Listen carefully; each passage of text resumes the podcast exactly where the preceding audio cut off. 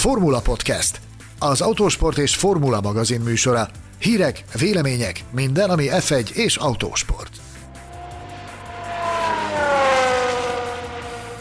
Üdvözlünk benneteket a Formula Podcast 9. adását halljátok.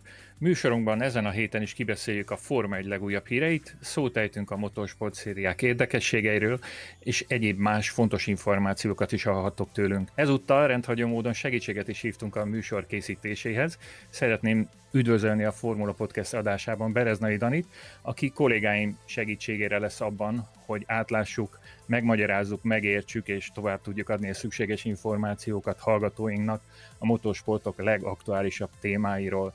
Természetesen velünk tart ezúttal is állandó szakértői gárdánk, legjobb kollégáim és barátaim, akiket ismét szeretnék bemutatni nektek. Gellérfi Gergő, az Autosport évkönyv szerkesztője. Hello, sziasztok! Mészáros Sándor, az Autosport és Formula magazin főszerkesztő helyettese, egyben a Szágódás és Cirkusz című Forma 1 könyvsorozat szerzője. Ciao, sziasztok! Isten hozta Dadit a podcastben. Engem pedig Betlen Tamásnak hívnak, és a Formula.hu főszerkesztői posztját látom el. Ezúttal viszont az a feladatom, hogy megfelelő mederben tartsam a podcast beszélgetést. Első és legfontosabb témánk egy Forma 1 pilótához kapcsolódik, hiszen Mészáros Sándornak kollégánknak sikerült mikrofon végre kapni még egy Forma 1-es versenyzőt, ezúttal Antonio Giovinazzi az Alfa Romeo Racing versenyzőjét kérdezte a karantén helyzetről.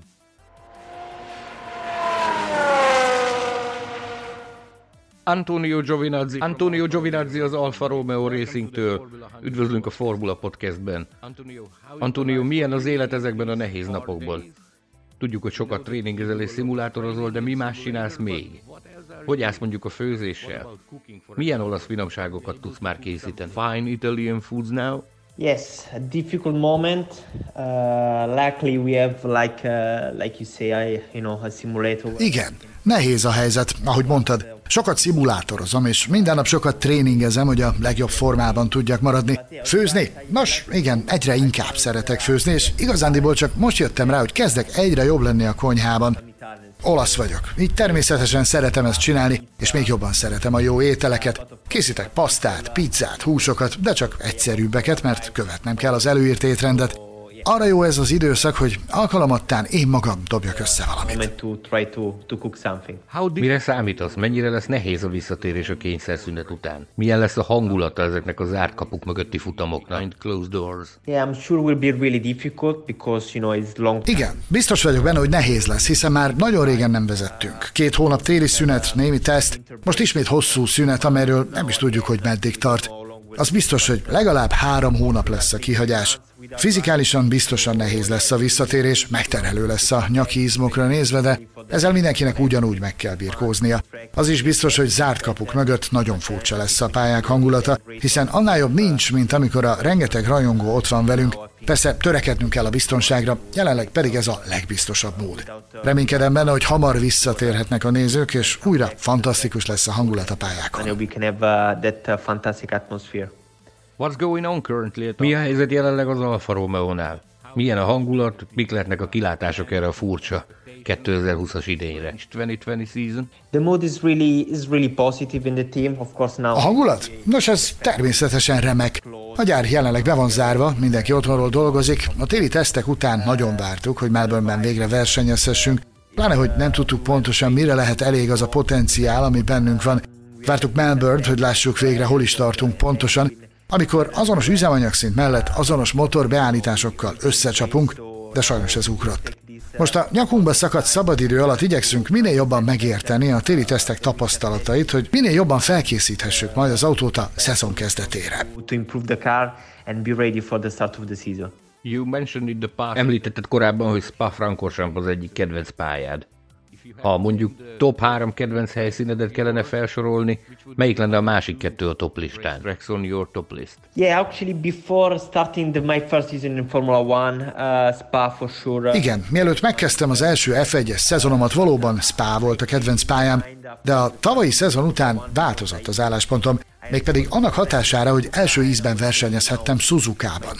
Most már azt mondom, hogy Suzuka a kedvenc pályám, ahol az első két szektor remek, az egész pálya pedig úgy, ahogy van, igazán különleges, pláne ezekkel az autókkal, ilyen leszorító erővel és sebességgel. Szóval most Suzuka az első helyzet nálam, majd Spa, aztán pedig Monza, mert nagyszerű a hangulat és minden csodás a hétvége folyamán. Because uh, the atmosphere and, um, and everything is around during the weekend. Van olyan pálya a világon, ahol nem rendeznek Form 1-es nagy díjat, de mondjuk szívesen kipróbálnál ott egy Form 1-es autót? in a Formula One car. Yes, one of my dream track. Az egyik álompályám, amely F1-es autóval talán túl szűk és veszélyes lenne, de azóta nagy kedvencem, hogy elkezdtem formula autókkal versenyezni, az Macau. Az tényleg az egyik legjobb pálya, igazi utcai helyszín, amelynek vannak nagyon gyors kanyarjai, hosszú egyenesei, kemény féktávjai. Ott aztán tényleg minden meg valami kell. Egy ottani kör rendesen fel tudja küldeni az adrenalin szintet, szóval ezt választanám, ezt próbálnám ki szívesen egy F1-es autóval. Macau in F1 car. After your dream track, ha már az álompálya szóba került, van-e olyan autó az F1 történelméből, amelyet szívesen elkötnél egy menetre? Gondolkodtál valaha ezen? Have you ever think about this?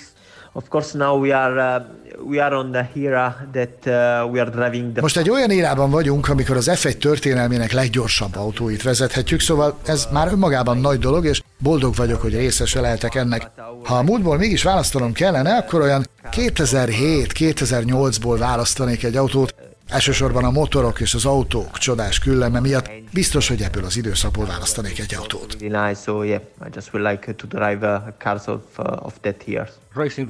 Mint mindenki másnak, a versenyzőknek is vannak nagyon kellemes és nagyon rossz emlékei. Számodra mi volt az eddigi legérzelmesebb momentum a pályafutásod során so far?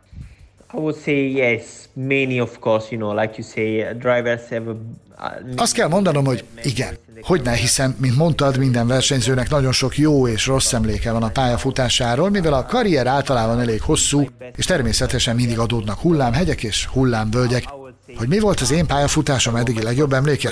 Erre azt mondanám, hogy Baku és Monza a GP2-ben 2016-ban két igazán fantasztikus hétvége volt. Bakuban szombaton először nyertem abban a kategóriában, másnap pedig az utolsó helyről startolva nyertem meg a második futamot, Monzában pedig nyertem. Majd a végéről jöttem fel a dobogóra, a hazai közönségem és a családom előtt. Igazán érzelmes volt az első F1-es nagy díjam is 2017-ben Melbourneben, hiszen azzal az álmom vált valóra. Uh, when, uh, when I did my first Grand Prix Formula One. Let's speak a bit Beszéljünk egy picit Magyarországról. Mit gondolsz a Hungaroringről és úgy általában a magyar nagydíj hangulatáról? Yes, of course I like uh, Hungary, I like the circuit. Nagyon kedvelem Magyarországot és a versenypályát, amely roppant szűk, olyan, mint egy kokártpálya. Túlságosan sok kellemes emlékem mostanáig nincs, jó eredményem se nagyon, de remélem, hogy hamarosan újra ott leszünk. Az embereket, a magyarokat nagyon kedvelem, hiszen szenvedélyesen imádják a motorsportot, minden évben nagyon sokan eljönnek. Már várom, hogy újra ott legyünk, és remélhetőleg végre sikerül összehoznom ott egy jó eredményt.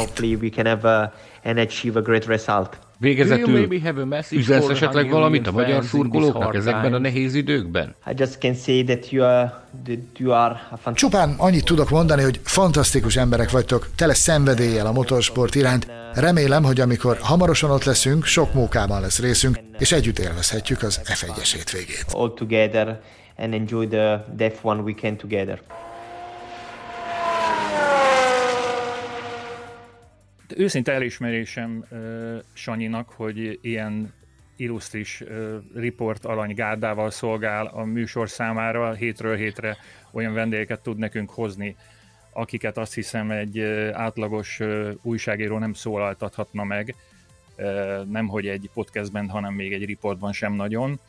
Úgyhogy elsősorban ezt a, ezt a rangját szeretném hangsúlyozni ennek az interjúnak, amit hallottatok. Másodszorban szeretném arra felhívni a figyelmet, hogy nem először nyilvánul meg Giovinazzi azzal kapcsolatban, hogy Magyarországon milyen rajongógárdával rendelkezik, és hogy ő erről tud, illetve arról is beszélt ebben az interjúban, hogy mennyire fontosak számára a magyar rajongók, milyen jól érzi magát azokon a versenyeken, amikor itt látja a magyar szurkolókat a, a Hungaroringen. Mi erről a véleményed, Gergő, te hogy értékeled ezt az interjút?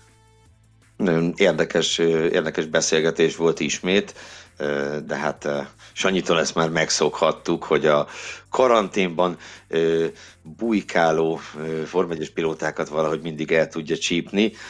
Giovinazzi én személy szerint nagyon-nagyon kedvelem. A, talán 2015-öt írtunk még akkor, amikor a Formula 3-ban Charles Leclerrel együtt, együtt versenyeztek, és akkor beszélgettünk a kollégákkal arról, hogy nagyon bízunk benne, hogy abból a generációból ez a két srác legalább, Giovinazzi és Leclerc legalább el fog jutni a Forma 1 és ugye ez sikerült is, sőt ugye még azt sem lehet egészen kizárni, hogy egy-két év múlva, vagy már jövőre akár mindketten a Ferrari-nál versenyezzenek. Az ő karrierje egyébként na- nagyon érdekes számomra, mert egyáltalán nem egy szokványos karrier, ő egy, nem tudom, ezt tudjátok, egy meglehetősen, úgy mondjam, obskurus versenysorozatban kezdett, kezdett versenyezni, miután Gokárttal agyon nyerte magát, ő elment Kínába, és a méltán ismeretlen Formula Pilóta China nevű szériában szerzett bajnoki címet. Végignézitek a bajnokok népsorát, az összes többi totál ismeretlen alak de hát szerencsére nála ez csak egy kis kitérő volt, és, és aztán ugye megérkezett oda, oda, hova ő való. Úgyhogy, ja, tavaly a szezonja, erről talán a múltkor beszéltünk, hogy olyan, olyan furcsán alakult, gondoljunk itt például a Spy gyönyörű, szép és, és nagyon csúnya véget érő hétvégére, de összességében szerintem egy újonc évnek teljesen rendben volt. Sándorom, Amelynek az egyik fénypontja az volt, hogy köszöntőt írt a Száguldás és Cirkusz című évad összefoglaló kiadványunkhoz. Én, én, én elég jól ismerem őt, de én nagyon-nagyon kíváncsi lennék a, a Dani véleményére, hogy ő, ő hogy ismerte meg az Antoniót. Ugye Dani, neked csapattársad, most néhány hete a szimulátor projektben is, amennyire én tudom, segítettél neki a felkészülésben. Milyen ember ő, mint csapattárs? Talán a legkönnyedebb és közvetlenebb Forma 1-es versenyzőről beszélünk, amikor ott vagyok egy-két verseny hétvégén a pedokban, akkor is könnyen akár leül mellé ebédelni, vacsorázni, és teljesen lecsökkenti a távolságot. A csapat összes dolgozója ezáltal köztünk és közte között is, teljesen közvetlen, és igen, gyakoroltunk együtt is. Látszik, hogy nagyon szenvedélyes a motorsport iránt, mert meg annyi szériát megjárt már a valóságban, de ugyanolyan érdeklődéssel nyit az e-sport felé is, és elkért tőlem onboard videókat, kikérte a tanácsomat, hogy hogy tudna még gyorsulni, vehetni ezt félváról is, de nagyon-nagyon sikeréhes, párhol versenyez, ő szeretné meglátni leghamarabb a kockázászlót. Jaj, de jó a hangodat hallani, a, a hallgatókat beavatjuk most akkor, hogy egy kisebb taktikai malőr miatt a beköszönésnél elmulasztottunk megadni neked a lehetőséget arra, hogy beköszönjél, de itt vagy velünk, jaj, de jó ezt hallani. Ugye említetted az ő, ő technikai éjségét, és azt, hogy, hogy, hogy mennyire, mennyire ember közeli. Ez az emberközeliség így a karantén helyzet alatt mennyire nyilvánult meg, mondjuk leszámítva itt a szimulátoros egyeztetéseket? Volt, amikor összecsörögtetek, hogy te hogy vagy, mi van veled, mit csinálsz éppen? Uh, Discordon szoktunk beszélni, az egy ilyen játékos chat alkalmazás, hangalapú, és hát általában minden második, harmadik nap felmegyünk, és akkor megkérdezi mindenki, hogy jól van-e vagy sem, de általában nem úgy nagyon a, a szakmára koncentrálunk, én sem vagyok annyira szociális ember, hogy mindenfélét kérdezgestek, de vannak, amikor feljönnek például a játékban helyzetek, akár gumikopás terén, akár turbulens levegőben, vagy valami történik, hogy egymással csatázunk, és például elmondja, hogy ez a valóságban így működne, így működne, vagy én rákérdezek valamire. Nekem is tök érdekes most kicsit így vele, vagy akár több igazi versenyzővel beszélgetnem, mert megismerem kicsit jobban a valóságot, megismerem azt, hogy miben áll meglepően közel a Codemasters hozzá, és miben áll egy kicsit messzebb, szóval én nagyon örülök, hogy erre lehetőségem van. Talán ez az egyetlen és picit pozitív pontja ennek a koronavírus helyzetnek. Könnyebb az, Antonio, könnyebb az Antonióval spanolni, mint a Kimivel? Szerintem mindenképpen, bár ha Kimi egy kicsit rásegít alkoholtartalmi üdítő italokkal, akkor ő is eléggé el tud könnyülni, meg ha nem lát nálad kamerát, amikor nálam nincs semmi, nem telefonnal megyek oda, vagy fényképezővel, vagy bármi, akkor nagyon-nagyon könnyen el lehet vele beszélgetni. Az Alfa Romeo karácsonyi ünnepségén is legalább 30-40 percet beszélgettünk, és tök érdekes dolgokat megtudhattam róla és a pályafutásáról is. Viszont amikor fotózni szeretnél, vagy valami közös videós tartalmat csinálni, akár internetre, akár a tévébe, attól természetesen a legnagyobb módon írtózik ami kicsit ironikus, ugyanakkor nagyon tiszteletre méltó is, ugyanis látszik, hogy ő a motorsportban csak azért van ott, nem a sztárságért, hanem azért, hogy versenyezhessen ezekkel a fantasztikus autókkal, és már közel 40 évesen fájdalmakkal, mindennel együtt még mindig ott harcol, úgyhogy már rég visszavonulhatott volna, de még mindig szereti, amit csinál, és ezt jó látni, és igazán inspiráló. Visszatérnék még egy picit az Antónióra.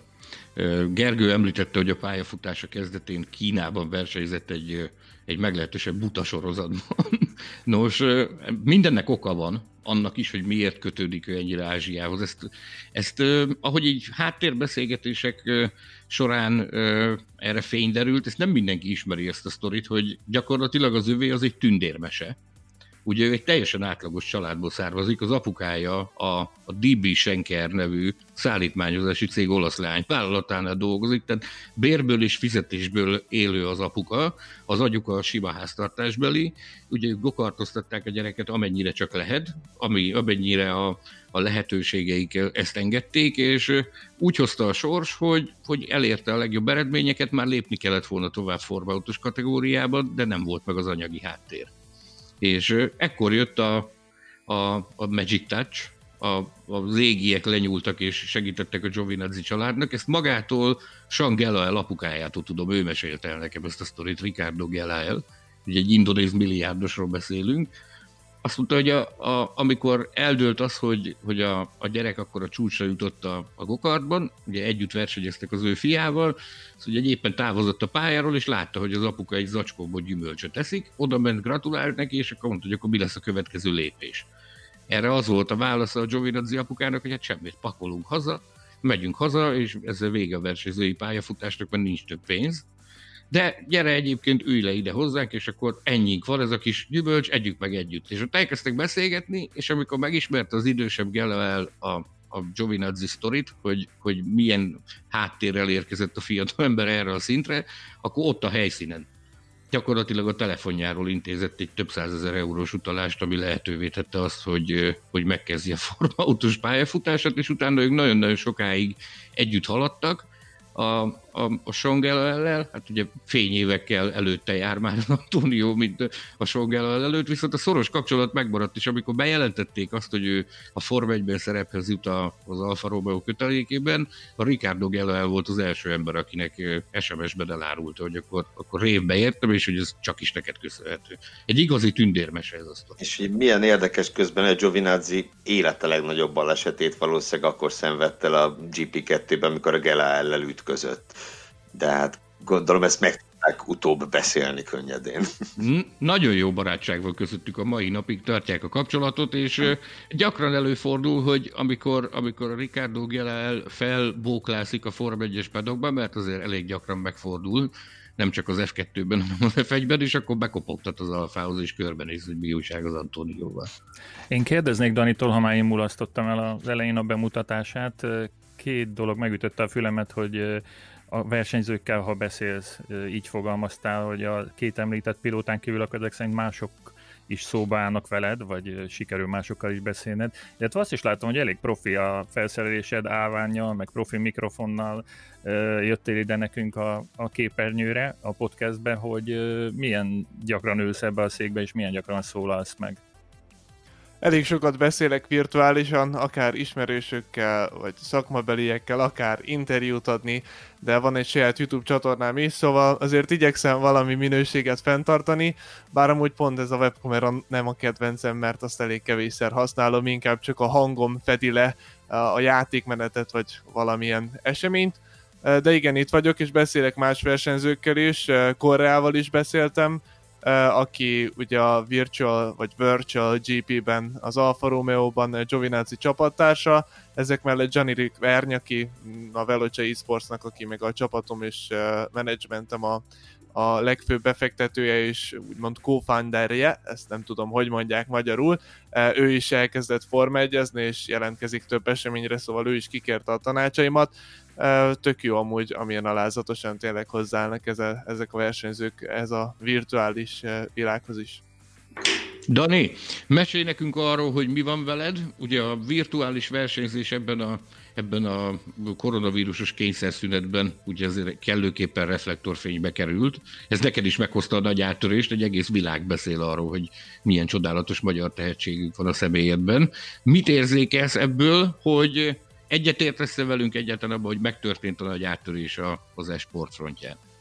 mindenképpen több ember megismerte az e-sportot, mint iparág, ugyanakkor azért szerintem volt, vagy vannak olyan emberek, akiknek a szemében egy kicsit rombolódott ennek a, az illúziója, ugyanis például a legelső M4-es közvetítés az, az tényleg elég alacsony színvonalon volt, és nem az M4-es rácok miatt, hanem hanem az, hogy a Form 1 mennyire nem készítette fel semmire a versenyzőket. Johnny Herbert... Bocsánat, katasztrofális bocsánat, volt, ami történt gyakorlatilag. Bocsánat, hogy itt a szabadba vágok. Ugye akkor egyetértesz velünk abban, én ezt meg is fogalmaztam a podcastban, hogy csodálatos dolog, hogy az MD Sportnak a, a képernyőjén mindenki láthatta, csak az volt a sajnálatos, hogy azt láthattuk, amit láthattuk. Ez teljességgel komolytalan volt. Tehát nem, mintha az egészet ilyen utolsó pillanatban dobálta volna össze a, a Formula van menedzsment, olyan, olyan semmilyen volt az egész. Hát ez is történt gyakorlatilag, nem, Dani? Vagy nem tudom, te ebből mennyit Igen, ez így van. Itt, itt nagyon nem hagytak lehetőséget érvényesülni a versenyzőknek se.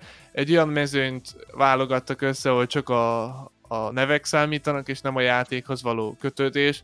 Ha elsőre nem találnak ennyi embert, akkor tényleg pár ügyesebb játékost kellett volna inkább kiválasztani, még ha nem is mondhatják el a reklámokból, hogy Johnny Herbert is versenyez, de az, hogy padlógázzal átmegyünk az első kanyaron, meg össze-vissza pörgünk, meg törjük egymást, az egy olyan képet veszít, vetíthetett az e-sportról, ami elég komolytalannak tűnhetett egy átlagos nézőnek. A rossz marketing és marketing, de én ennek egyáltalán nem örülök. Szerencsére a következő két-három futamra már jelentősen javult a, a helyzet, és hát az elmúlt futam a brazil nagydíj az egészen zseniális volt, teljesen élethű csatát láthattunk Albon és Lökler között.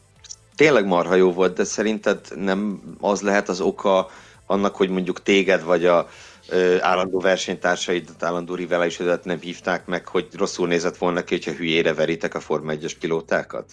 Pont ezért fogalmaztam úgy, hogy néhány ügyesebb játékost meg lehetne hívni, akár lehetnek ezek youtubosok is, nem kell, hogy mi legyünk, vagy ha nagyon ránk szólnak, hogy menjünk lassabban, vagy fordított rajtrács, vagy valami, akkor még ez nem történt volna meg, amit te mondasz valóban nehéz a helyzet, de még mindig jobb egy, egy minőségi versenyzést látni, amiben talán egy-két Forma 1 pilóta hátrébb végez, mint ütközéstől ütközésig menni a falak között.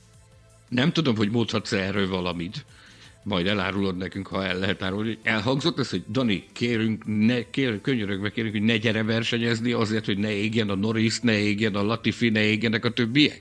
Elhangzott Hát így? pontosan így nem hangzott el, de például a legutóbbi Not the GP-re sem voltam már meghívva sajnos, uh, aminek első két fordulóját ugye megnyertem, még a fordított rajtrácsos versenyen is harmadik lettem, pedig azok izgalmas futamok voltak, és jó volt a sorozat, de a Veloce azt mondta így a, a legújabb uh, Hockenheimi nagy díjra, hogy nem kéne jönni, mert találnak inkább más, akikkel izgalmasabb lesz a csata. Uh, én ezt megértettem, nekem az e pilóták ellen kell remekelnem, ettől függetlenül már az az első két forduló is hihetetlen nagy élmény volt. Szerintem mindenki, aki kicsit jobban belenéz a dolgokba, akkor azt tudja, hogy nem azért verem el feltétlenül a norris mert én akkor a király lennék, csak ebben a világban én sokkal többet mozogok, több gyakorolt órán van, sokkal jobban megszoktam az irányítási modellt. Ő nyilvánvalóan ugyanilyen könnyedséggel verne el engem egy valós formula autókba. De itt az élvezeti faktor számít, és most szerencsére az növelődött azzal, hogy bárkik is versenyeznek, legalább már tiszta csaták találhatóak a versenypályán. Nekem az a kérdésem, hogy még a Formula.hu és az Autosport és Formula magazin főszerkesztőjeként is iszonyú gondot okoz, hogy átlássam az erőviszonyokat az e-sport szériák között. Te mit gondolsz? hogy hogy lehetne felállítani rangsort. Egyrészt nyilván van a népszerűség, másrészt meg van a minőség. Hogyan, hogyan lehetne ezt jól el, elmagyarázni egy hozzá nem értőnek, hogy mit érdemes nézni, hol vannak az igazi értékek. Hát motorsportban szerintem bármennyire is egy kicsivel kisebb szimulátor a Forma egy hivatalos játék az iRacinghez, Assetto Corsa és az Air Factor nevű komolyabb szimulátor programokhoz képest, mégis ez a, az e-sport csúcsa. Tavalyi 109.500 valamennyi jelentkező jelentkezett arra a szériára, ahol én is a top 20-ban versenyeztem, és aztán világbajnoki harmadik lettem ezekhez képest ezekben a nagyobb szimulátorokban 3, 4, 5, maximum 10-15 ezer ember teszi le a lábát, ami nyilvánvalóan nem egy kis szám, és azok a versenyzők ugyanúgy rendkívül tehetségesebbek, sőt, valamilyen szinten az élethűséghez közelebb is állnak, mint mi. Ettől függetlenül nézettség, elérés és komolyság szinten szerintem a Forma 1 sorozata a legnagyobb. De ezek mellett vannak olyan játékok, stratégiai játékok, lövöldözős játékok, mint például a Fortnite, Counter-Strike, stb. stb. stb. amivel több százmillió ember játszik a néhány 5-10 millió emberhez képest a, a motorsporthoz viszonyítva, szóval azok az e-sport szériák bármennyire is sokkal messzebb állnak a, a, a valóságtól, sokkal e, nagyobbak tudnak lenni még a mieinknél is, de azokban én nem mozgok, és annyira nem is mozgatnak meg minket, mivel engem mindig is a korreláció és a motorsport közelsége vonzott annyira az F1 e-sportban is. Dani, nekem kettő kérdésem lenne. Néhány hete volt itt nálunk a virtuális stúdióban Nikolász Latifi, aki szintén ö, szimulátorozik ö, meglehetősen nagy vehemenciával, és ő tett nekem egy említést arról, de más autóversenyzőktől is hallottam más kategóriákban, hogy létezik egy rejtélyes WhatsApp csoport, ahol nagy formátumú autóversenyzők és szimulátorpilóták gyülekeznek, és ott egyeztetik a, a különböző versenyeknek az időpontjait, hogy te, te hallottál erről, benne vagy ebben a csoportban. Ez az egyik kérdésem. A másik pedig, amire nagyon kíváncsi lennék, és ezt már nagyon régen szerettem volna megkérdezni, ugye te, te korábban Mercedes pilóta voltál, most már Alfa pilóta vagy. Mennyivel másabban kezeli, tehát mennyivel eltérő az, ahogy az Alfa kezeli az esport pilótákat, illetőleg milyen előnyökkel jár az, hogyha valaki egy Form 1-es istáló kötelékén belül űzi ezt az ipart? Igen, szóval biztos van ilyen WhatsApp csoport, én arról annyira nem hallottam, mert nem sokat használom azt a programot.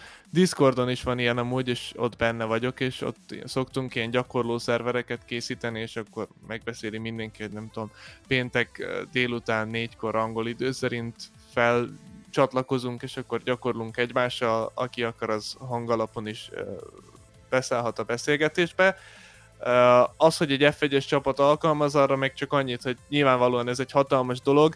Nekünk ez nem jár annyi előnye, mint például egy valós pilótának. Nem dolgozunk együtt mérnökökkel, az autóbeállításokat is nekünk kell mind beállítani, mivel mi értünk a legjobban a szoftverhez, és annyira nem életű, hogy fizikai számításokkal azokat le lehessen követni és az autók is egyenlőek, szóval a mérnököknek az a szerep sincs meg, hogy fejleszék a, a mi járművünket azért, hogy gyorsulni tudjunk a versenypályán. Ennek ellenére viszont az a támogatás, amit egy Forma 1 csapat tud biztosítani a profi felszereléssel, a fizetéssel, ami azt eredményezi, hogy, hogy ez nekem a teljes értékű munkám, és napi 8-10 órában is tudok gyakorolni egy szezon közben, az, az nyilvánvalóan nagyon fontos és elengedhetetlen. És ami a Mercedes és Alfa között a, a legnagyobb különbség, az talán a, a, az összes dolgozó közelsége. A Mercedes Motorsport, ez egy óriási vállalat, a Mercedes karácsonyi bulián mint 4000 ember volt ehhez képest, az Alfa meg 750, és szerintem már csak a számok is magukért beszélnek, 750 emberrel kicsit közelebbi viszonyt ápolni, kicsit közelebb lenni, jobban megismerni egymást sokkal könnyebb, az gyakorlatilag egy ilyen nagyobb iskola, eh, mint, mint ennyi ezer fővel. Eh, az egy világmárka, talán a marketing értéke egy kicsivel nagyobb, mint, mint az Alfa Romeo-nak, mert, mert a legnagyobb autógyártó cégről beszélünk, és a legsikeresebbek jelenleg bármilyen fajú motorsportban. Ennek ellenére az Alfa Romeo pont ugyanolyan szenvedéllyel, csak picit családiasabban mindent belead, és én rendkívül jól érzem magam náluk, és nem is bántam meg, hogy hozzájuk jöttem egy családias a hangulat, és ugye ezt akárhonnan nézzük, szerves részét képezitek a csapat életének, mert kommunikálnak beleteket, büszkék rátok a sikereitekre, meg azért mindenben segítenek, amiben csak, amiben csak lehet. Említetted, hogy nincs mérnöki támogatás, de gondolom azért bármikor megvan az a lehetőség, hogyha ha valaki hogy egy inspirációra van szükséged, akkor bárkit megkérdezhetsz ezzel kapcsolatban. Igen, olyanokat például tudnánk kérni, hogy akár a versenyről a teljes onboardot elkérnénk, ha kíváncsiak lennénk például, hogy a pilóták mit csinálnak valahol egy valós versenypályán. Például a személyedzőnek megvan a, a telefonszáma a Giovinazzi-nak a személyedzőjének, szóval mondta, hogy ha valamiben kéne például segítséget kérnünk étrend, vagy, vagy bármi teljesítménnyel kapcsolatos izgulást, hogy tudnánk legyőzni, akkor őt nyugodtan kereshetjük, és ezek mellett tényleg a közösségi médiát kezelő embereiknek is mind megvan a kontaktja, ami tök jó, mert bármikor valami nagyobb projektet terveznénk, azt, azt tényleg a világ elé tudjuk kürtölni és interaktálni a követőinkkel. Engem az érdekelne, hogy milyen, amikor az előnyöket soroltad, hogy milyen előnyei vannak, hogy egy csapathoz tartozol, hogy a rajongók közelségét mennyire érzed, esetleg a hölgyrajongók közelségét érzed-e, mint egy igazi Forma 1-es pilóta tudva levő, hogy a, az overall az megvadítja a, a gyengébb nemet. Hogy állsz te ezzel a kérdéssel? Hát én sajnos nem viselek overállt, pedig lehet jól jönne, most jó ötletet mondtál a következő netkomerás közvetítésben már azzal jövök, hogy kicsit nagyobb sikerrel járjak a nőstényeknél.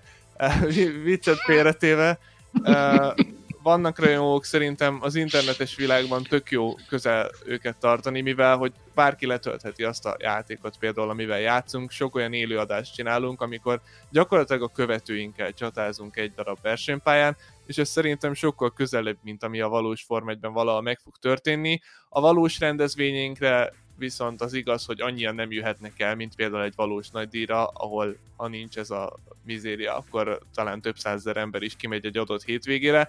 Szóval személyesen bevallom, egy kicsit kevesebbet találkozunk velük, és látjuk őket, eh, mint talán a valós versenyzők, ugyanakkor egy más módon meg talán közelebb is vagyunk hozzájuk. Igen, és azt hiszem, hogy ebben a mizériában, hogy fogalmaztál, nyilván egyre nagyobb figyelem szegeződik az esportra, hogy erről itt már beszéltünk az elején. Engem az foglalkoztatott még, hogy te azt hogy látod, hogy most itt valóban arra, amit te csinálsz, meg amit te az állandó versenytársítókkal csináltok, arra nagyobb figyelem szegeződik, vagy, vagy, vagy Norris Lökler és a társai ellopják a bulit. Tehát, hogy tulajdonképpen ez, ami most történik, ez segíti a, a virtuális Form 1 bajnokságotoknak a, publicitását, vagy, vagy épp hogy rombolja? Szerintem segíti, mert miután sok ember látta, hogy a valós Form 1 pilóták mennyire komolyan veszik ezt a játékot, megnézik, hogy mi a, mi a legkomolyabb szint, úgymond, és ezeket a versenyeket is lekövetik, akik igazán hirtelen érdekeltek le, lettek ebben a dologban. Több ember kormányt vásárolt, felszerelést, és eh, kipróbálja ő is magát, és hát tőlünk tud a, talán a legtöbbet fejlődni, legjobb, a legtöbbet tanulni. Szóval eh, minket is elkezdtek olyan emberek, nézők követni, akik eddig nem is annyira ismerték ezek az iparágak. Nyilvánvalóan, amiben Norris és Leclerc versenye, az, azt mindig többen fogják nézni, mint amiben mi, mert azért jelentősen kisebb a, a, emberek vagyunk mi úgymond a közösségi média terén. Ennek ellenére mi is úgy, hogy lépkedtünk velük felfelé, és ez szerintem tök jó, nem hiszem, hogy egymás riválisai lennénk. Én következem egy vallomással.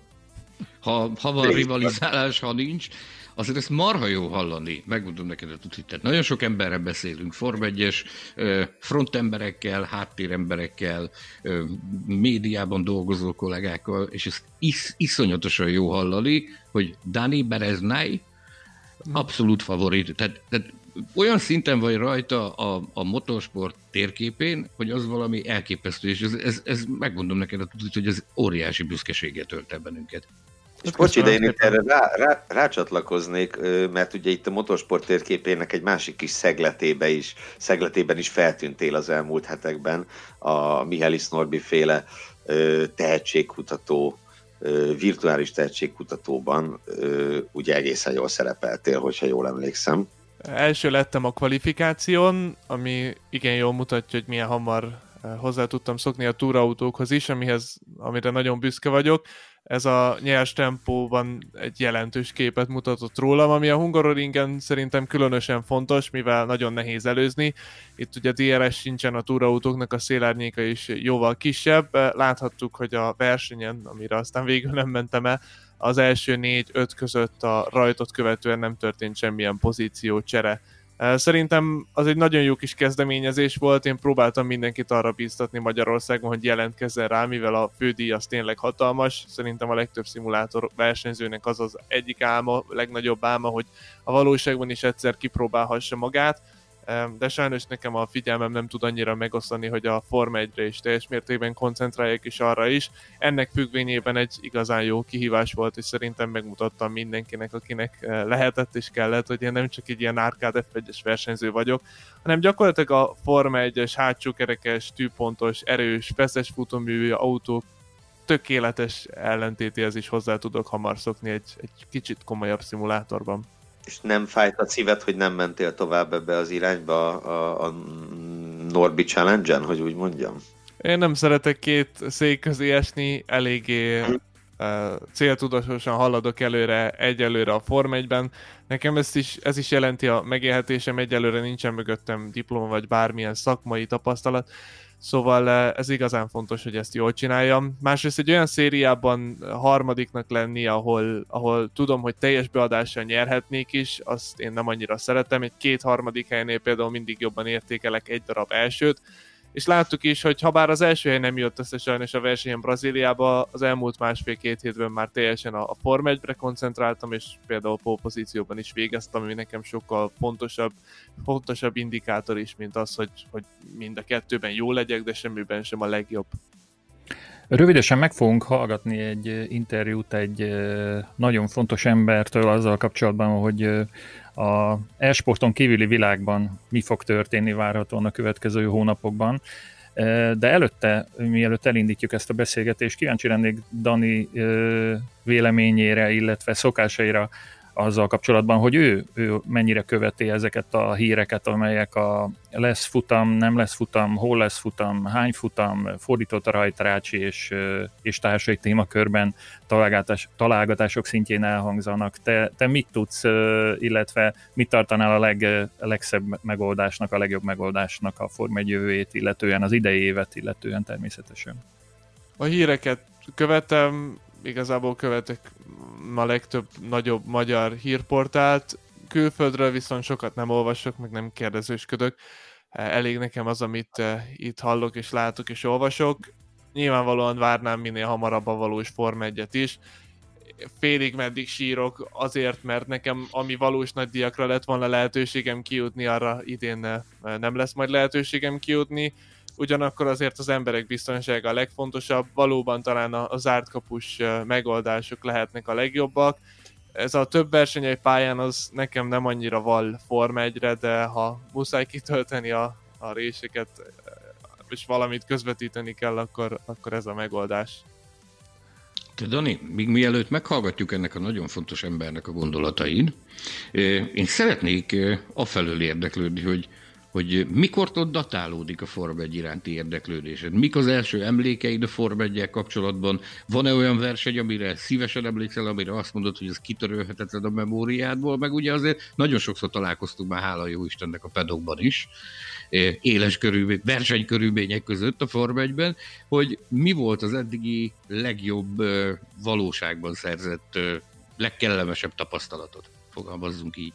Igen, uh én 7 eh, évesen kezdtem el nézni Forma 1-et, ami 2007-2008 eh, környékére datálódik. Mögöttem van egy Fettel poszter is. Ő ugyanakkor debütált, amikor én debütáltam nézőként, ezért kezdtem el neki szurkolni. Szerintem nagyon sok mindenben hasonlítottunk, már kinézett szinten is akkor, ugyanúgy kékszemű szőke úriember, tökre tetszett ez a kicsit social médiától távolabbi szerény visszafogott stílusa, és éppen ezért neki kezdtem el szurkolni, azóta is, is neki szurkolok. Uh, amúgy úgy csöppentem bele az F1 világába, a családon belül nálunk senki nem nézte, hogy akkoriban a Form 1 futamokat az RTL közvetítette. Én nagy mesenéző voltam minden reggel, és azt a csatornát néztem, és, és egyszerűen néhány ázsiai futamot kora reggel betolakodott, de hát nem tudtam más nézni. De mindegy, megtetszett, örültem neki, hogy így történt. A legtöbb fiatal kisgyerek szerintem szereti a, a gyorsan mozgó járműveket, főleg egy versenypályán, amiknek akkoriban még igen impresszív volt a hangja is, bár szerintem élőben a mostaniaknak sem annyira vészes és ami a legemlékezetesebb futam talán, amit, amit láttam, tévén keresztül nekem 2012 Brazília, ott tudom, hogy eléggé izgultam Fettel sorsa miatt, mint egyszerű szurkolót, nagyon szerettem volna, hogy ő jöjjön ki a, a, legjobbként. Ugyanígy nekem abban az évben az Abu Dhabi futam felzárkózása is egy, egy igazán kellemes élmény, de ami a legnagyobb élő és talán legnagyobb összesített Form 1 élményem volt, az a, a tavalyi brit nagy díj, amin kim voltam, és az egyik legjobb lelátón ültem ott a, a Lafield mögött, ahol Bottas és Hamilton végig egymással csatázott, és Hamiltonnak szurkoltak a britek, akinek én nem vagyok óriási szurkolója, de az az, az, az energia, ami ott volt az emberekben, és az a, az, az átélés, az a, az az erő az egész motorsport családát leírta nekem, és én nagyon örülök, hogy, hogy egy olyan élmény a, a, nek részese lehettem Ezek mellett én voltam Monzában is ugyanabban az évben, és ott meg pont ugyanezt történt, sőt, még nagyobb szinten, csak ott mindenki Ferrari-nak szurkolt, és hát Lökler győzelme az, az tényleg fantasztikus dolog, elképesztő teljesítmény, és, és főleg amikor élőben realizálom, hogy mennyi ember milyen szenvedéllyel követi és, és szereti ezt a sportot, akkor jövök rá, hogy mekkora dolog ez, hogy egyáltalán itt lehetek, és átélhetem én is ezt, mert ez az életem egyik legmeghatározóbb dolga. Elképesztő azért azt hallanom, hogy, hogy van, van olyan mai sztár, magyar autóversenyző sztár, a te személyedben, aki a, a RTL Klub mese összeállítása közben szokott rá a, a Forma 1-re, és hogy 2007-2008-ban még ilyesmivel foglalatoskodtál szombat délelőttönként, meg vasárnap, hát... Igen. Ennek, ennek az az oka, kedves Tamás, téged, akit elnyűhetetlen főszerkesztőként szoktuk apostrofálni, hogy öregszünk, kérlek szépen.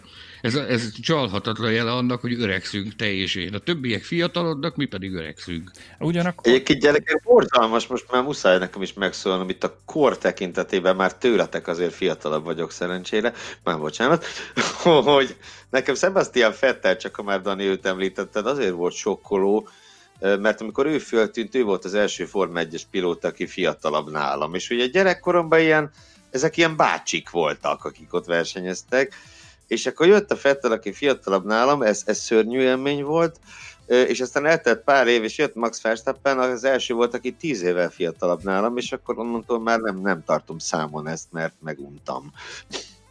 Dani, Fettel a kedvenced? Nagy hatást gyakorolt a személyiségedre, a, az előmeneteledre. Milyen megélni azt a válságot, amibe ő került az elmúlt két évben szurkolóként? Hát nem jó élmény, de el tudom fogadni. Igazából szerintem nem annyira óriási a válság, mint aminek kívülről tűnik. Nyilván több hibát vét a versenypályán, de szerintem olyan rossz helyzetbe került a maga irányításán kívül is, amilyen helyzetben nagyon kevés pilóta került. Ricardo volt egyszer a csapattársa, aki az akkor debütált versenyzők közül egyértelműen a legnagyobb tehetségnek volt kinyilvánítva. Nem véletlenül került a HRT-t rögtön a Red Bullba, és most meg Löklerket megkapta, aki gyakorlatilag megint egy Verstappen vagy a közeli szint, egy zseniális versenyző. Ez, ezek mellett könnyű úgymond veszíteni, könnyű nem bizonyítani, vannak olyan bajnokok, nem szeretné senkit megjegyezni, akiknek könnyebb a dolga, úgy érzem a csapattársuk ellen. Ha Fettel mellett végig mondjuk Kimi maradt volna ott, akinek karrierje már szépen lassulóban van, azért ezt be kell vallani, akkor mellette most lehet, hogy most is ő lenne a legnagyobb sztár, legnagyobb király. Szóval minden relatív az életben. Úgy gondolom, hogy azért hamilton is meg lehetne lepni ezekkel a tehetségekkel, de neki például Bottas és Rosberg maradt és nyilván ők is kiváló versenyzők, csak úgy érzem, hogy Fettelnek a megítélésén sokat ront az, hogy, hogy milyen szerencsétlenül jöttek ki, hogy gyakorlatilag a legnagyobb tehetségek ülnek be mellé folyamatosan.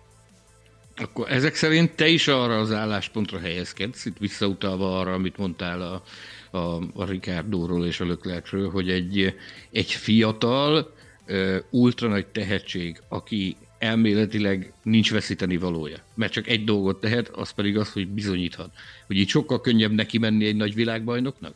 Nem hiszem, hogy sokkal könnyebb, mindig nehéz ilyen tapasztalt versenyző ellen, főleg egy új csapatban teljesíteni, szóval ők bebizonyították, hogy Fettel sem olyan erős, és ők mekkora nagy tehetségek. Ennek ellenére valószínű a veszíteni valójuk, ahogy te is ezt mondtad, sokkal kevesebb és amilyen durván már 18-20 éves versenyzők és szimulátorokon keresztül, és gyakorlatilag 3-4-5-6 éves koroktól kezdve versenyezve már több mint 10 éves tapasztalattal rendelkeznek ők is, elképesztő, hogy így milyen teljesítményre képesek ilyen fiatalon. Én amikor a korodról esett szó, akkor természetesen Szintén azon az állásponton vagyok, hogy nagyon-nagyon kell annak örülnünk, hogy van folyamatos utánpótlás a Forma 1 szurkolóknak, hiszen nem utolsó sorban a mi kiadónk is ebből él, hogy híreket teszünk közé, és ezek olvasásával próbálunk profitálni, akár a nyomtatott újság, akár a tévéműsor, akár a podcast tekintetében, és biztos vagyok abban is, hogy hogy nem csak az e-sport tekintetében várnak új híreket ezek a szurkolók és rajongók, hanem végre szeretnék látni az igazi versenyautókat is a versenypályákon. De itt az idő, hogy meghallgassuk, hogy mit mond a valós esélyekről egy igazi illetékes, Gyulai Zsolt, a Hungaroring elnök vezérigazgatója, akivel német Krisztián, az Autosport és Formula magazin TV műsorának riportere készített egy internetes interjút. Azt kell világosan látni, hogy, hogy ez eh, se nem a Liberty médián, se nem a promótereken múlik, hanem mindig az adott országnak a szabályozásán múlik az, hogy mit lehet rendezni és mit nem. Tehát nyilvánvaló, hogy a, a Liberty is mindent megtesz annak érdekében, hogy elinduljon a világbajnokság, hiszen képernyőre kell kerülnie, el kell indulnia a világbajnoki futamoknak, ahhoz, hogy gyakorlatilag egy érvényes világbajnoki év legyen. Úgyhogy természetesen az elmaradt futamok azok már nehezen pótolhatók, de mind az osztrákok, mind Silverstone, mind pedig mi jeleztük azt, hogy természetesen partnerek vagyunk abban, hogy elinduljon a világbajnoki sorozat, de azt látni kell, hogy, hogy minden országban ugye elkezdték most a lazításokat, de nem tudhatjuk azt, hogy júliusban, augusztusban mi lesz. Jelen tervek szerint Ausztriában kezdődik, valószínű kettő futammal, hiszen ha egyszer már beutazást engedélyeztek a csapatoknak, pilótáknak, akkor gyakorlatilag 14-15 napig tudnak maradni egy helyen, és akár két futamot is le lehet bonyolítani, és utána Anglia, vagy utána Magyarország is tud rendezni, de valószínű, hogy természetesen csak nézők nélkül. Tehát most ott tartunk, hogy, hogy az az alternatíva van, hogy egyrészt nézzük azt, hogy a dátum az eredeti időpontban, vagy esetleg az ausztriai helyzet változásával a mi, mi dátumunk is változik, és arra készülünk, hogy nézők nélkül. Hát természetesen mondjuk valószínű, hogy nem annyira izgalmas a pályánk, mint mondjuk Silverstone. Tehát, hogyha két futam van, azért nálunk nem lehet annyira előzni, ha most két futam van, akkor lehet, hogy beleszaladunk két nem olyan előzős futamban, de, de mindenféleképpen természetesen az lenne a jó, hogyha ha már egyszer idejönnek, kapnak engedélyt a beutazásra, akkor gyakorlatilag az, hogy a világbajnoki futamok megfelelő száma megrendezésre kerüljön, akkor célszerű az, hogy mindenhol két futamot rendezzenek. Szerintem egy csomó fals információ jelent meg ebben kapcsolatban. Se a Liberty, se az FIA, sem pedig a promóterek nem adtak ki hitelt érdemlő információt, mert senki nem tud sem. Tehát van 50 forgatókönyv, ezeket próbáljuk összerakni, Természetesen mi is alkalmazkodunk a hazai vírushelyzethez, a kormánydöntéshez, és természetesen a Liberty médiával tartjuk a kapcsolatot. Úgyhogy én, én örülnék neki, hogyha ez az augusztus maradna. Természetesen mi most az augusztus másodikára készülünk, az eredeti időpontban, de nem gondolom azt, hogy Európában túl sokáig marad a versenysorozat. Tehát, hogyha azt nézzük, hogy Ausztria, Anglia, Magyarország, esetleg Hollandia, vagy Spa szóba jöhet, illetve Olaszország, tehát azért elég sűrű a, a, a, a naptár. Nálunk nyilván szeptemberben és még októberben is lehetne futamot rendezni az időjárási körülmények miatt, de én azt gondolom, hogy mi ott az elején leszünk remélhetőleg, ha elindul Ausztriába az idő.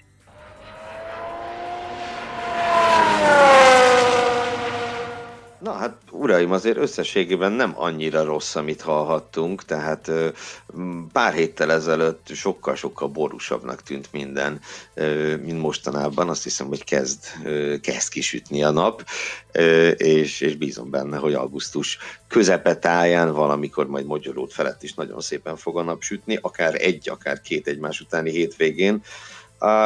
Az nyilván egy nagyon szomorú dolog, hogy, hogy itt jelenleg nincs arra, nem látszik esély sem arra, hogy nézők jelen legyenek a Magyar Nagydíjon, de erre azért már számíthattunk, tehát az, az tényleg egy túlzott optimizmus lett volna, hogyha valaki ö, azt várja, hogy, hogy nézőkkel rendezhetik meg a futamot, ami pedig az újságírókat illeti, hát azt, azt ugye majd meglátjuk. Erről is beszéltünk hosszabban. Ugye itt a legfrissebb hazai rendeletek értelmében akár-akár újságírók ott is lehetnének, de ez valószínűleg nem csak a, nem csak a hazai szervezőkre, hanem a FOM-ra is, is, is fog tartozni. Dani, te ugye tavaly ott voltál a Magyar Nagydíjon, sőt ugye ott találkoztunk először személyesen. Milyen emlék volt ez számodra a, a, a pedokból átélni? Igen, én tavaly ott voltam a Magyar Nagydíjon, és 17-ben és 18-ban is, ami tényleg óriási élmény. Nagyon jó, hogy csak 30 percnyire van a lakásomtól egy olyan versenypálya, ahol Forma 1-es versenyeket rendeznek, és már amikor felkelek, és tudom, hogy, hogy most itthon vagyok, és kigurlok egy versenypályára, és ott azok a le, szememben legendák fognak versenyezni, akikre ezt gyerekkorom óta felnézek, az számomra egy óriási dolog, és amúgy igen, a padokban sok időt eltöltöttem, de például minden szabad edzésre, időmérőre és futamra is mindig kimegyek egy lelátóra, ha nincs ülőhelyem, akkor akár csak a kerítés széléről nézem a futamot, mert sokkal közelebb és sokkal jobb, mint a benti tévéképernyőről, és annak ellenére, hogy a magyar pályának versenyzési szempontjából unalmas a vonalvezetés, nagyon sok jó hétvégét láttunk ennek ellenére az elmúlt években, a körülményeknek is, vagy a hőségnek, vagy az esőnek köszönhetően, aminek én rendkívül örülök, és, és amúgy mint versenyző, vagy virtuális versenyző egy nagyon izgalmas vonalvezetés, szóval versenyezni, a versenyzők szeretnék rajta, ezt, ezt jól látni, és amúgy én is szeretem a, a szimulátorban. Melyik volt az első magyar nagy díjad, amit a helyszínen éltél át? Arra emlékszel? Az a 2017-es, mivel a családomból senki nem követte a motorsportot, ezért igazából csak az e-sporttal tudtam ide legelőször kijutni. És ugye Gyulai Zsolt azt mondta, hogy szerinte nagyon rövid lesz az európai szezon, ami számomra azért volt érdekes, mert épp tegnap olvastam egy nyilatkozatot, legőszintébben megmondom, hogy fogalmam sincs kitől, Uh, talán az Brown volt, na mindegy, valaki meg pont azt fejtegette, hogy szerinte Európára kéne koncentrálni, és, a, és az Európán kívüli versenyeket kellene hagyni, amelyek ugye radikálisan ellenmondó nyilatkozatok. Valószínűleg ezt itt mi nem fogjuk tudni kitalálni, hogy mi legyen. Viszont itt adáson kívül Sanyi, te említettél nekem egy olyan kis kis plegyka morzsát, kis, kis információ bombont, ami valószínűleg a, a hallgatóság számára is érdekes lehet. Off to record kaptam egy, egy üzenetet egy a Paul Ricard menedzsmentjének egyik prominens tagjától, aki, aki arról tájékoztatott, hogy bár ugye bejelentették, hogy francia nagydíj biztosan nem lesz 2020-ban, Ettől függetlenül a pálya és a, a, az infrastruktúra az adott, és ők nagyon-nagyon szeretnének versenyt rendezni. Ez, ez hétvégén érkezett ez az információ, azóta már azért a nemzetközi sajtó is foglalkozott ezzel egy icipicikét. Azt tudjuk, hogy nagy valószínűség szerint más neve lesz. Itt mindenféle felvetéseket hallottunk már mediterrán nagydíjtól kezdve, provanszi nagydíjtól egészen az Európa nagydíjig. A lényeg az az, én ettől a, nem mondhatom el a nevét sajnos, de tőle azt hallottam, hogy ők mindenféleképpen akarnak idén versenyt rendezni, nagyon-nagyon jó esélyük van arra, hogy versenyt rendezzenek a Paul Ricardon, és érdekes módon ő, ő azt jelezte nekem, hogy az augusztus közepén lehet esedékes, mégpedig a magyar nagydíj és a belga nagydíj közé beszuszakolva. És arra is tett még utalást az informátorom, hogy az európai helyszínek között a meglehetősen nehéz helyzet ellenére viszonylag nagy a tolongás, tehát mindenki szeretne valamilyen formában egy szeletet magának az idei Forma 1 világbajnokságban, úgyhogy a, a remény megvan arra, hogy mégsem lesz annyira rövid az európai tartózkodás a világbajnokságnak. Bocsi, de mielőtt az utolsó témánkra átugrunk egyet, muszáj kérdeznem, szerinted, vagy szerintetek miért, miért kell ezt más néven rendezni? Tehát pusztán azért, mert már közölték, hogy nem lesz francia nagy díj, vagy, vagy ennek valami egyéb szerződési jogi okai lehetnek? Amennyire én tudom, ennek pénzügyi okai vannak. Tehát azt, hogy, azt, hogy hát, ahogy a közvél fogalmaz, kitolja bele a lét. a, a, francia, a francia nagy díjban nyilvánvalóan a, a, a, a térségi önkormányzat, vagy nevezzük régiós vezetésnek, ezt tudjuk a, a korábbi évekből, hogy ők tolták bele a lét, most ők valószínűleg nem fogják beletolni a lét, hanem valaki más fogja, és ez, ha hihetünk a, a csiripelő madaraknak, ez még akár a FOM is lehet. Tehát a Vagy a helyi pasztiszgyár, ugye bár végül akár. is a, a pasztiszgyártásból épült az egész porrikárd, egy szép hagyomány. Bizony.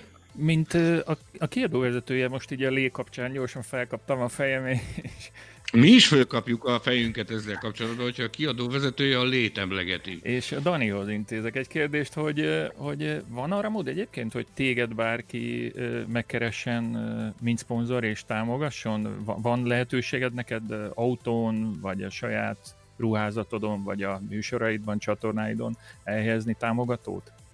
Igen, csatornáimon, ruháimon van. Uh, nyilván ez nem ütközhet a jelenlegi szponzorokkal, ami nekünk Alfánál tavaly csak a New Balance volt, most amúgy már ők sem lennek, szóval egy másik ruha szponzor nem lehet.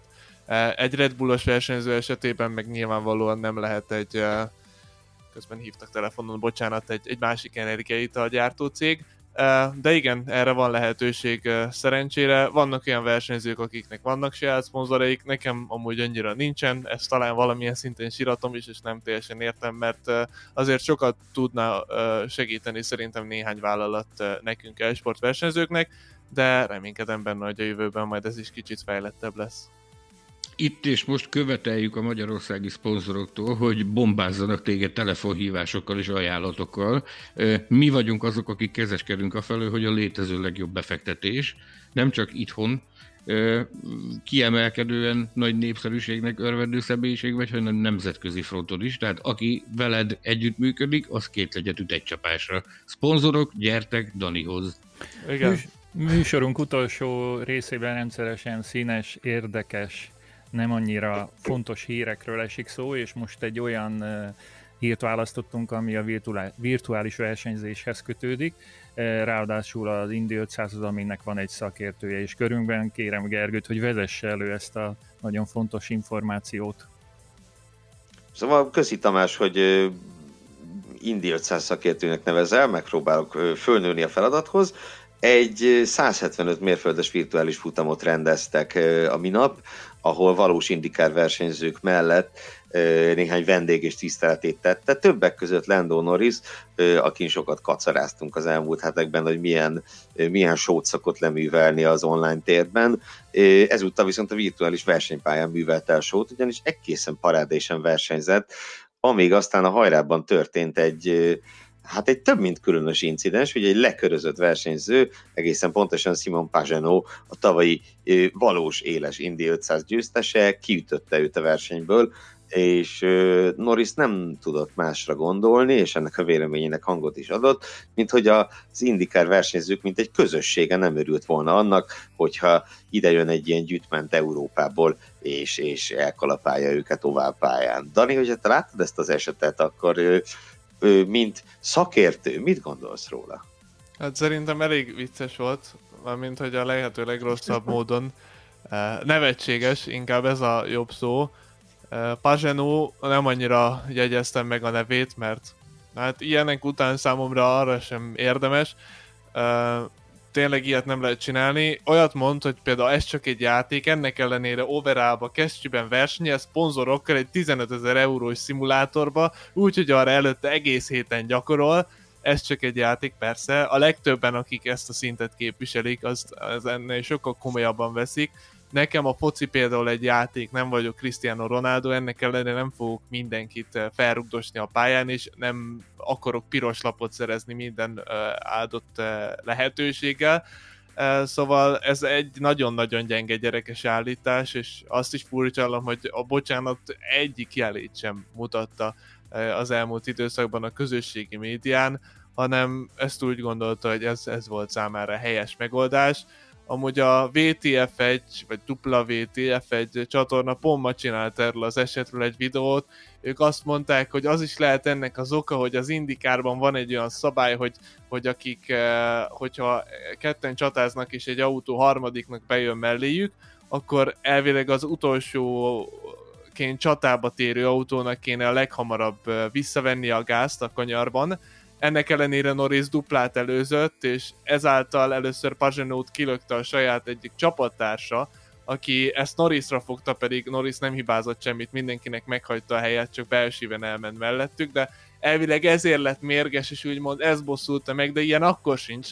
Pont ezért van FIA, pont ezért vannak döntéshozók és szabályalkotó szervek, hogy nem a versenyzők döntik el, hogy kinek mi lesz a büntetése. Elég vicces világban élnénk, ha rendőrség sem lenne, hanem nekem ellopták egy csirkémet, és a következő napon már a sörétessel kopogtatnék a szomszédhoz, és ez szerintem egy, egy nagyon-nagyon csúnya cselekedet volt, és megint egy annyira profit közvetítést, amit a a, a, a Sky Sports közvetített egy, egy másik amerikai csatorna, aminek most nincs meg annyira neve, egy ilyennel komoly talanítani, amiben ennyi befektetett munka van mind mérnökök részéről, mind a játék készítők részéről, mind a versenyzők részéről, a támogatók részéről nem lehet ennyire elbakatalizálni, és nem lehet azt mondani, hogy ez csak egy játék, mert nem a valós képét mutatja megint annak a, a, az üzenetnek, amit amúgy azt szerintem a legtöbben közvetíteni akarnának.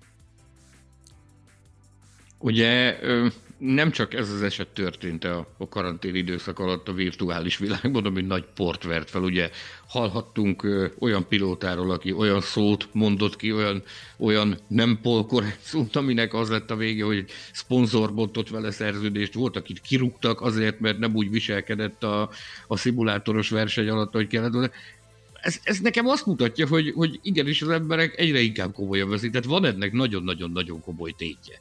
Jó, jó az, hogy ez, ez ebbe az irányba megy el, vagy nem jó? Ti mit gondoltok erről, fiú? Hát szerintem a, a nem polkorrekten beszélő Kyle Larsonnak a szomorú történetét elég alaposan kibeszéltük már a múltkor, és, és azért az nem, nem feltétlen a versenyzéshez kapcsolódik. A másik sztori, akire utaltál, ugye Buba Valasz szegénynek a, az esete, aki meg fölhergelte magát, és, és akkor nyomott egy rage a játékból.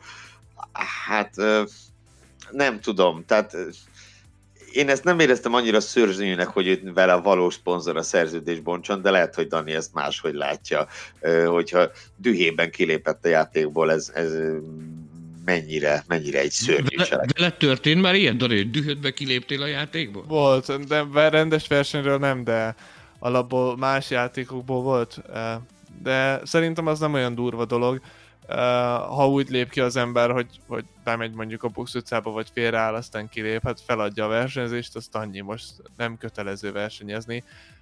Szerintem az kicsit hars, hogy emiatt valaki szerződést bont a másikkal. Nyilvánvalóan nem jó, de azért ez a szívejoga döntése, bármiért ki lehet lépni, hogyha valami történik itthon, valakibe beleáll egy kés, akkor kilépek. Most hogy ez azért kicsit kevésbé durva szerintem, mint, mint az, hogy valaki direkt a szándékosan a versenypályán kilöksz, vagy rasszista megállapításokat teszel valakire, az talán a, legutolsó.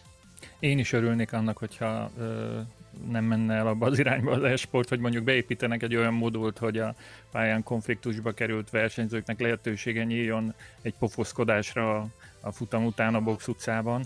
Szóval szerintem a, a szebbik részét kellene azért csak követni, illetve megtartani ennek, a, ennek az e-szériának, ezeknek az e-sportoknak. Közben azonban a műsoridőnknek lassan a végére érünk, úgyhogy nagyon-nagyon szeretnénk megköszönni Bereznai Daninak, hogy elfogadta meghívásunkat, szakértett itt a, az adásban, és remélem, hogy más alkalmakkor is lesz lehetőségünk őt megszólaltatni. Azt meg még jobban remélem, hogy a sikereiről lesz alkalmunk beszámolni, és azt is szintúgy remélem, hogy a szponzoroknak a, agyát egy kicsit megmozdítottuk, és hát ha jelentkezik valaki, aki meglátja benned a lehetőséget. A hallgatóknak nagyon köszönöm, hogy ismét velünk tartottak. Arra kérünk benneteket, hogy műsorunkkal kapcsolatban használjátok a Formula Hú Podcast hashtaget, hogyha írtok nekünk, posztoltok rólunk, kérdeztök tőlünk a Twitteren, az Instán és a Facebookon is meg tudjátok ezt tenni. Fontos, hogy a helyzetnek megfelelően továbbra is maradjatok otthon, leginkább Budapesten van erre szükség, úgy hallom. Közben olvassátok a formula.hu-t, amely a vírus járvány alatt is óriási erővel nyomja számotokra a legfrissebb információkat, de a legfontosabb talán az, amit minden alkalommal elmondunk, hogy szeressétek az autósportokat. Sanyi és Gergő talán még hozzátenne ehhez valamit? Vidéken is maradjatok otthon, de csak akkor, hogyha a formula.hu-t olvasgatjátok. Köszönöm szépen munkatársaimnak, Geléfi Gergőnek és Mészáros Sándornak, szerkesztő kollégáimnak, valamint Hilbert Péter technikusnak, hogy segített összeállítani ezt az adást. Néhány nap múlva ismét hallhattok majd bennünket, addig is sziasztok! Formula Podcast, az autósport és formula magazin műsora. Hírek, vélemények, minden, ami F1 és autósport.